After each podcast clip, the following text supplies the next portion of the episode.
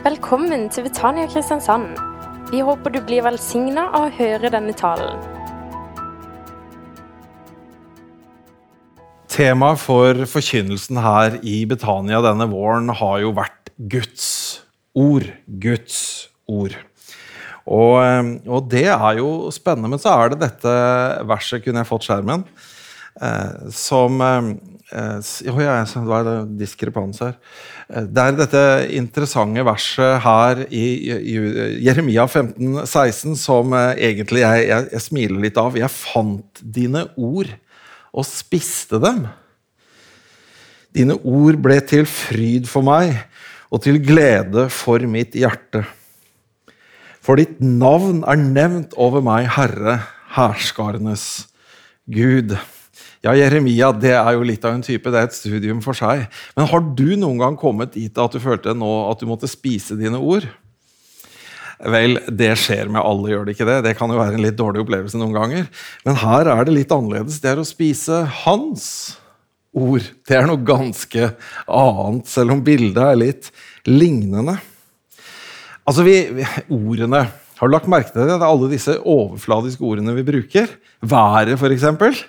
Vi trenger de overfladiske ordene for å komme i gang med samtalene. Vi snakker litt om været, og så snakker vi litt om start, og så snakker vi litt om uh, strømprisen eller den nye rundkjøringen i, i Auglandsbukta, eller hvor det er. Altså, Vi snakker om disse tingene, sant? og det jo, har jo sin, sin, nytte, det har jo sin virkning. Men, men Jesus går en del dypere, altså. Jeg har nok en mistanke om at de har klippa bort all smalltalken, all den, at han hadde noen sånne ord, han òg. Men det er jo rett i poenget. Han går liksom rett på sak. Det er noen sånn enormt sterke sider ved Jesus, og vi kan spise av hans ord, og vi kan fylle oss med det. Ord du virkelig kan tygge på. Reisekost. Av og til så føler han jo kanskje at man møter mennesker som prater en hel masse, som sier ingenting. Vi kan alle falle i den fella. Men den store livskunsten er jo å høre hva som ligger bak ordene. Men Jesus serverer levende ord. Ord du virkelig kan tygge på. Livsnødvendige ord. Og da kommer denne teksten for i dag. Sannelig sier jeg dere, den som tror, har evig liv. Jeg er livets brød. Fedrene deres spiste manna i ørkenen, men de døde. Det brødet som kommer ned fra himmelen, er slik at den som spiser av det, ikke dør. Jeg er det levende brød som er kommet ned fra himmelen. En som spiser av dette brødet, brødet skal leve til evig tid. Og det brødet jeg vil gi, er min kropp, som jeg vil gi til liv for verden. Dette er jo fra Johannes evangelium kapittel 6, og det er et enormt spennende kapittel. Jeg håper jeg nå skal klare å overbevise deg om at det er et spennende kapittel, eh, og at du kanskje til og med går hjem og leser det.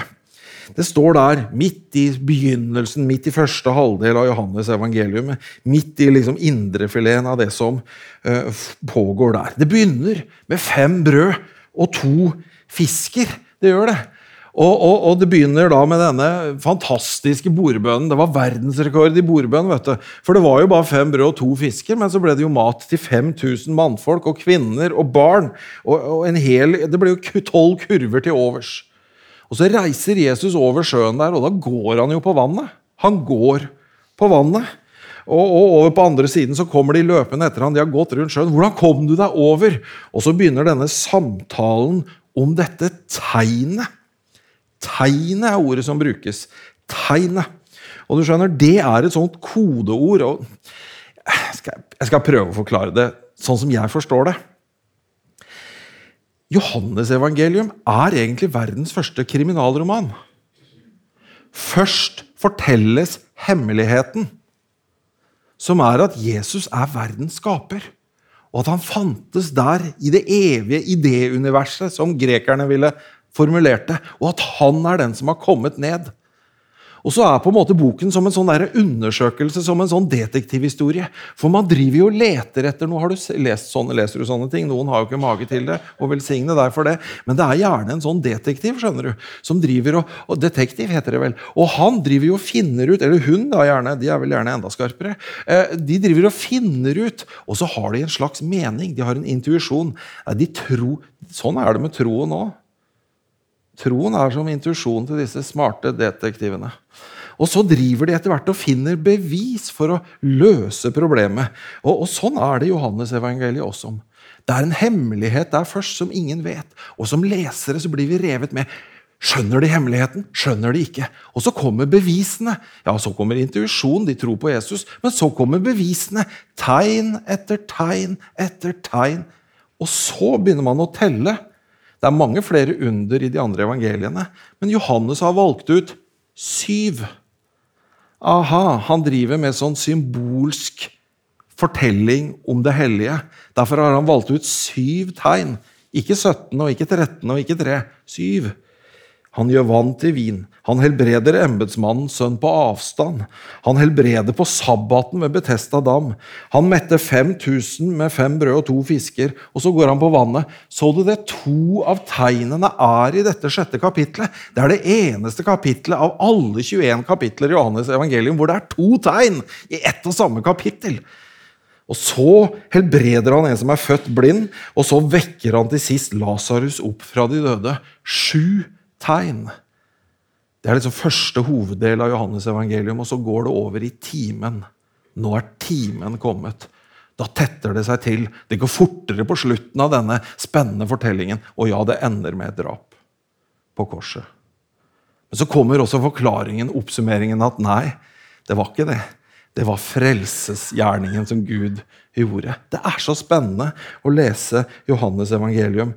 Og Kapittel 6 er da midt i denne tegnboken, før det rundt kapittel 12 switcher over i timen, da hemmeligheten skal åpenbares for alle. Det er spennende, skjønner du, å lese i Bibelen. Johannes gjorde nok dette, tenker vi, fordi han var jo fra landsbygda ved Galileasjøen som en sånn fisker. Og så hadde jo han emigrert noe voldsomt langt, helt til Efesus. Det var, en, det var som, å reise til andre sida av jorda, det, sånn mentalitetsmessig. De tenkte helt annerledes. og Derfor så har han skrevet Johannes evangeliet. Han har bytta ut alle de hebraiske ordene han kunne, som Jesus talte om Guds rike, har han bytta ut med liv. Han har bytta ut å sitere loven med sannhet. Han har bytta det ut med lys, sånne greske, filosofiske ord, fordi han prøvde så inderlig å forklare det for dem. Jeg skal, jeg skal, prøve med noen andre ord, for jeg vil at du skal få det i med deg. Jeg vil at du skal høre det, du også som er greker, du som aldri har hørt Det gamle testamentet, du som bare er opptatt av ideer. Ser du at han vil så gjerne nå deg? At du skal få det på en svingning du kan skjønne, på en melodi du liker å nynne til sånn at du kan få det med deg. Sånn at det fester seg i ditt indre, sånn som vi fester oss ved sanger. Tegnet. Tegnet. Midt i tegnboken. Og Der står det der, da, Johannes 6, 30-31 og 35. Hvilke tegn gjør du, så vi kan se det og tro på deg? Har du noe bevis, Jesus? Hva vil du gjøre? spurte de. Våre fedre spiste manna i ørkenen. Slik det så skrevet, brød fra himmelen ga han dem å spise. Jesus svarte, Jeg er livets brød. Den som kommer til meg, skal ikke hungre, og den som tror på meg, skal aldri tørste. Det er jo en indirekte nattverdstekst. Det er derfor vi bruker den i dag. Selv om den ikke direkte handler om nattverden. Men den, du ser den bruker noe av de samme ideene. Har du lest om manna i ørkenen? Ja, Er du vel bevandra i Bibelen, så vet du kanskje godt denne historien. Men vi får ta den litt her. Fra, fra andre Mosebok 16. Der eh, har jo israelsfolket dratt ut fra Egypt, og det heter jo Exodus. Ja, det samme som gospelkoret heter. Ja, så Det er en sammenfletning her. Både Exodus ut av Egypt og Exodus oppe på, ut, ut med gospelen. Eh, sånn. eh, og, og, de var jo ut på lang tur, og de hadde jo ikke niste. Og de var jo helt fra seg. Vi hadde jo masse mat i Egypt, og nå skal vi ut i ørkenen. Og her går det jo ikke an å spise noe. Da kommer det brød fra himmelen. Det, det, slapp av, sier Gud. Bare vent, legg dere og sov. Og når morgenen kommer, kommer, så er det jo gjerne ofte morgendis. Skal dere bare gå ut på marken. Og når disen trekker seg tilbake, skal det ligge brød på bakken. Det er jo helt fantastisk. Og det står det der da i 2. Mosebok 1631. Israelittene kalte det manna. Det lignet korianderfrø. Det var hvitt og smakte som tynne kaker bakt i honning. Du, vi skal ha kirkekaffe i dag med sånn mannabrød. Altså det, det, jeg får jo bli jo, altså Hadde GH begynt å selge dette her Jeg hadde jo vært nede første dagen. altså, og for, jeg må jo smake, Er det ikke spennende? Hvordan tror du det smakte? Vi får jo ikke helt vite. Men honningkake det er jo noe søtt her, da, og det trenger man jo når man driver og trasker rundt. Da er det behov for, for næringsrikt eh, honningbrød. Eh, så det er jo veldig interessant. Hver dag fikk de det de trengte og spiste. Og det var faktisk sånn at hvis de tok for mye, så, så, så, så råtna så mugna det. Så de fikk liksom en sånn, slags straff. Nå, du skulle samle mye og bunkre opp. Skal du drive med angrå? Nei, nei, ikke, ikke, på dette. Her er det fordask, dagsferskt. Men akkurat i helga fikk de for to dager, da. Sånn at de kunne slappe litt av. Så de slapp å samle på, på, på, på lørdagen, rett og slett. Ja, du skjønner, dette her er fortellingen om manna i ørkenen. Og israelittene la det fram. Ja, Gud tok seg av oss. Men så sier Jesus ja, det er et bilde på meg, sier han. Det er jeg som er brødet som kommer fra himmelen, sånn at folk kan få det for å leve. Her er teksten som jeg leste før i dag. Hva betyr det at han er livets brød? Ja, hva, hva, hva, symboliserer dette brødet? Ja, altså, vi lever jo i en tid hvor vi forstår det i avisen da, sånn Spis mindre brød. Ja, for det er ikke bra, for da er det altfor mye raske karbo. Så da er det sånne dietter hvor man skal spise mindre brød. Er det noen andre enn meg som har lest på de greiene der? Det er sikkert nyttig, vet du. Men også vet jeg jo det at eh, eh, Karius og Baktius de vil jo ha loff med sirup på. Så det skjønner jeg jo, det er ikke anbefalt. Eh, det er litt pussig, det, for her var det jo sånn brød bakt i honning. Det, det ligner jo til forveksling eh, loff med sirup på. Eh, men det er bare en sånn eh, tanke som er uferdig hos meg. da. Ja, hva er det brød da symboliserer? Jo, det er jo det vanligste maten. Eh, og det kommer jo fra kornet. Og, og, Hvor kommer det fra? Jo, hvis du går til Historikerne har lært meg det at ja, men det er jo jordbruksrevolusjonen. At vi gikk fra å være jegere og samlere til å bli bofaste bønder. Det er starten på sivilisasjonen. Det Det er starten på byen. For du, hvordan skal jeg forklare dette? her? Jo, nå skal du få en åker, da, så måtte du lære den teknikken og få tak i de plantene som egna seg best. og Det var jo en del kunnskap med det. og Det kunne du sikkert få overført muntlig, men så begynte du å få jorde, der hadde du et jorde, da, men det er ditt jorde. Og da måtte du begynne å ha landegrenser. Da måtte du begynne med geometri. ja, og Da kommer Pythagoras setning før du vet ordet av det. Og så er du i gang, og så må du ha lover fra ditt og mitt. Og, og, så må du ha systemer, og så må du ha verktøy, og må, da må du ha en smed som kan lage bedre plogskjær. Og Før du vet ordet av det, så er du i gang med små byer, og så er du i gang med sivilisasjon. Brødet symboliserer det. Legg merke til at bibelfortellingen går fra Edens hage, en hage, til det nye Jerusalem, en by. Det går til byen. Så fortellingen og åpenbaringen henger sammen med det. Og brødet er symbolet på at vi går fra å være jegere og samlere som lever ute i ødemarken, til sivilisasjon og bøker. Det ender opp i bok. Fascinerende, ikke sant? At vår historie sammenfaller med dette. Åpenbaringsfortellingen. Jeg syns det er uendelig fascinerende. Uendelig fascinerende. 'Jeg er livets brød'. Det betyr jo at han både representerer den sanne sivilisasjonen og livet. Alle trenger brød for å spise. Vi trenger maten, vi trenger næringen.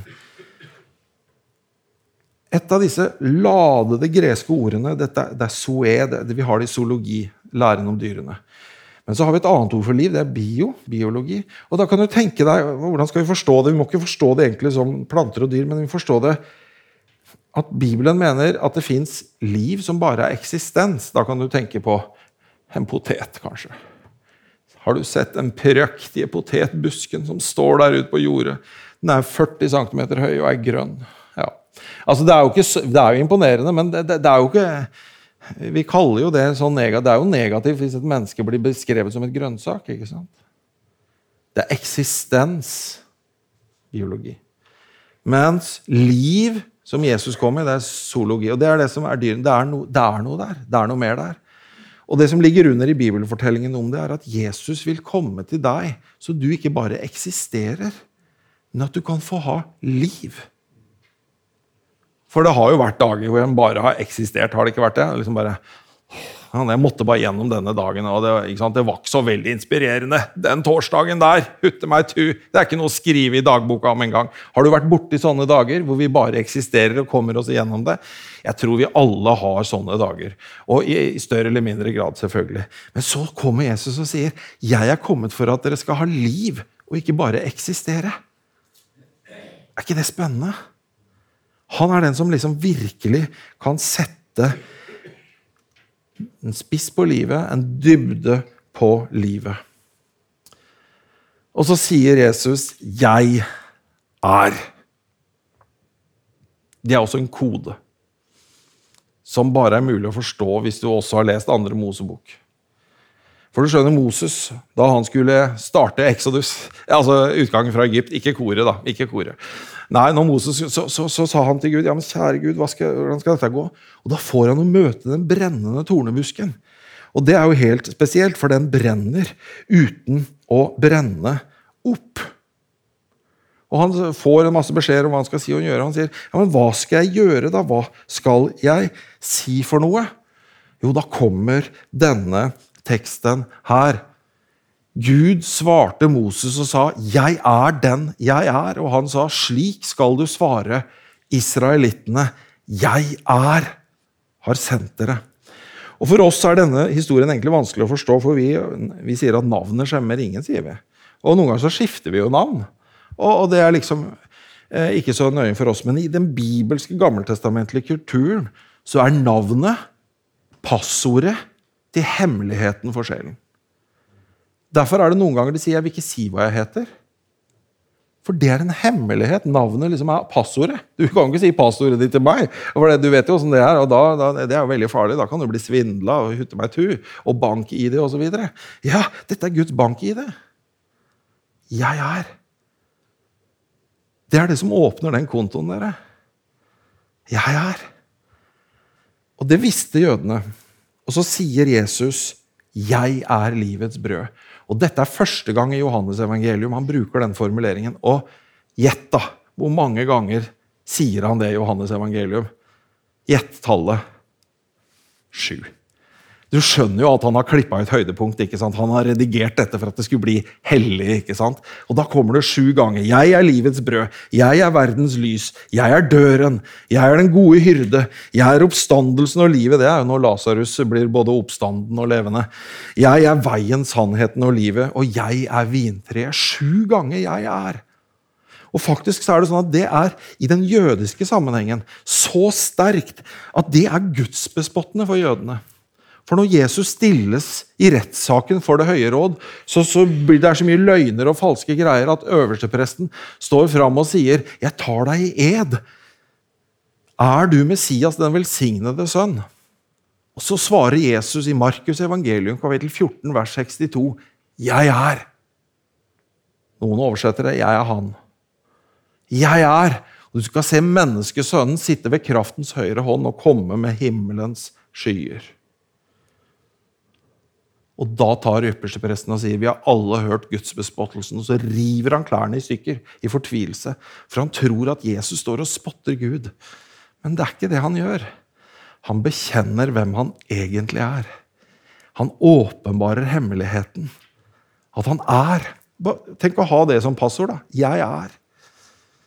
Det er ikke så lenge til, vet du, så kommer barnebarna mine til å si at det var han som var. Et menneskes liv er så kort. vet du.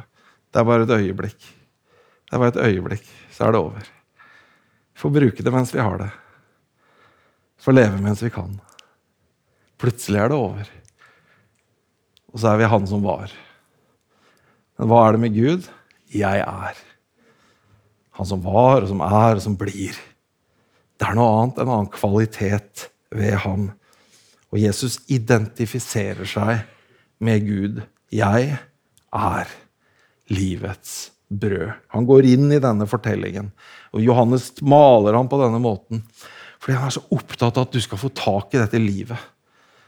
Denne guden som åpenbarer seg som en brennende tornebusk. En brann som ikke slukker ut. Det var ikke sånn at tornebusken ble til aske. Når Guds brann treffer deg, så er det ikke sånn at livet ditt blir ødelagt. Det blir forandra. Det blir ikke ødelagt. Hvis det er en brann som treffer deg, og du blir ødelagt, så er det ikke av Gud. skjønner du. Da er det noe menneskelig i det. Og det har mange av oss opplevd. Det kan være noe menneskelig i det. Men den brannen som kommer fra Gud, det er den 'jeg er'-brannen. Den som gir liv. Som er levende, og som ikke ødelegger. Men som skaper forandring. En exodus i det tilfellet. Og Så sier han 'jeg er livets brød'. Det som virkelig kan gi livet mening. Ikke bare eksistens, men dybde og innhold. Det nest siste jeg ære som Jesus sa, er der i Johannes 14, 6. Jeg er veien, sannheten og livet. Ingen kommer til Faderen uten ved meg. Det var en mann som ble kristen etter å ha vært ateist i 60 år. Professor i historie var han også. Livet hadde jo gått veldig vanskelig for han. Han var helt på bunnen. Han var psykisk sammenbrutt. Han hadde fått et sammenbrudd. Tro var langt, langt borte fra ham. Relasjon med mor og far var veldig skadet. Og nå hadde det innhenta han, og angsten. Og nesten psykosen hadde overtatt han. Men han fikk komme til Modum Bad. Og han likte å sitte i kapellet der, for der var det ingen som spurte han om noe. Han fikk være i fred. Så forteller han til meg. Jeg satt der i kapellet, og der var det et krusifiks. Torsen, Jeg så på det, og jeg tenkte der henger du og fastspikra, og du kan ikke gjøre noen ting for å hjelpe meg. Den kristne troen var ganske langt fra han. Han hadde noen litt sånne harde ord. Men du skjønner, Gud tåler dine harde ord. Det er han som tåler det best. Det er best å gå til han med det. Da forteller han. Da snakket ikonet til meg. Krusifikset til meg. Hodet snudde seg og så på meg og sa, 'Slapp bare helt rolig. Ingen kan skade deg. For her inne er det jeg som bestemmer.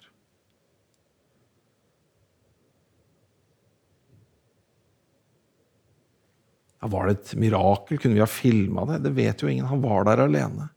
Men han fortalte det. Det var det jeg så. Det var det jeg opplevde. Og da, da måtte jeg jo tro. Han ble døpt i menigheten der oppe i Bergen. Og han hadde jo så mange spørsmål og filosofiske tanker av veldig ulike slag. Og Han stoppa opp med dette verset jeg tror jeg leste det på et alfakurs. tror jeg faktisk. Så kom han og sa er det ikke sånn da, Torsten, at det står at Jesus sier 'jeg er én vei'? Selvfølgelig er Jesus en vei, men, men det fins vel mange veier? Én sannhet og ett liv. Er det ikke det det egentlig står, da? Så jeg måtte hjem og gjøre leksene mine. Jeg måtte grave dypt nede i gresk. Jeg kan ikke så mye gresk, det er så vidt jeg stavrer meg gjennom et vers. Men jeg måtte bla alt jeg kunne, og febrilsk. Og undersøkte alt jeg var kar om. Nei. Måtte jeg komme tilbake til han eh, dagen etter eller uka etter. Det er ikke det. Bibelen sier at Jesus sier 'Jeg er veien'. Bestemt form entall. Da kan du egentlig legge til med stor V. Jeg er sannheten. Jeg er livet. Det er utrolig intens påstand. Hvis noe annet menneske hadde sagt det, så hadde det jo bare vært til å fnyse av. Men han sier det, og i det så ligger det en invitasjon og en utfordring. Ja, jeg snakka med en her, han, jeg tror han bodde i Vennesla. Hvis du skal til Vennesla, hvor må du kjøre da? Ja, du peker, du kan veien, du. Jeg har vært der før. Så i lende Ja, det står et skilt der. Vennesla. Det fins jo flere veier til Vennesla. Det er flere veier til Jesus òg, forresten. Eh, eh, men det er bare én vei til Gud, og det er Jesus. Så på samme måte som du kan kjøre ulike veier til Vennesla, skal du til Vennesla, så må du kjøre på veien som går til Vennesla. Og skal du til himmelen, så er det Jesus som er veien.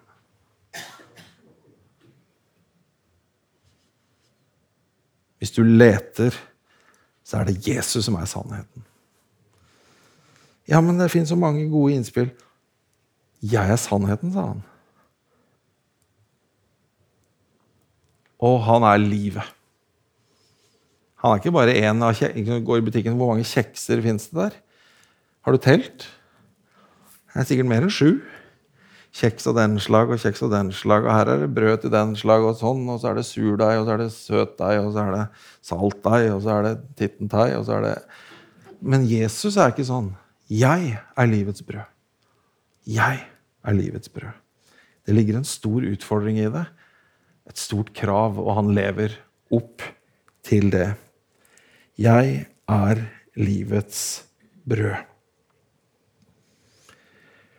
Sannelig, sannelig, sier jeg dere, den som tror, har evig liv.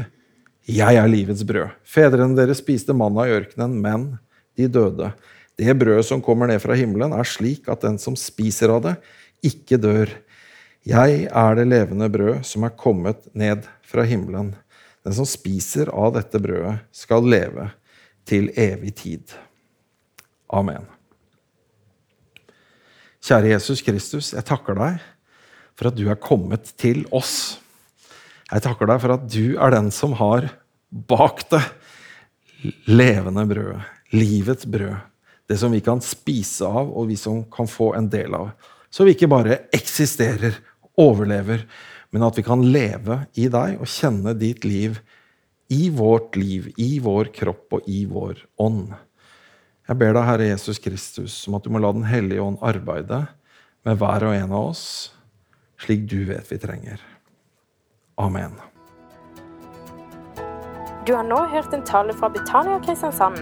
For mer informasjon kan du besøke våre hjemmesider på betaniakrs.no.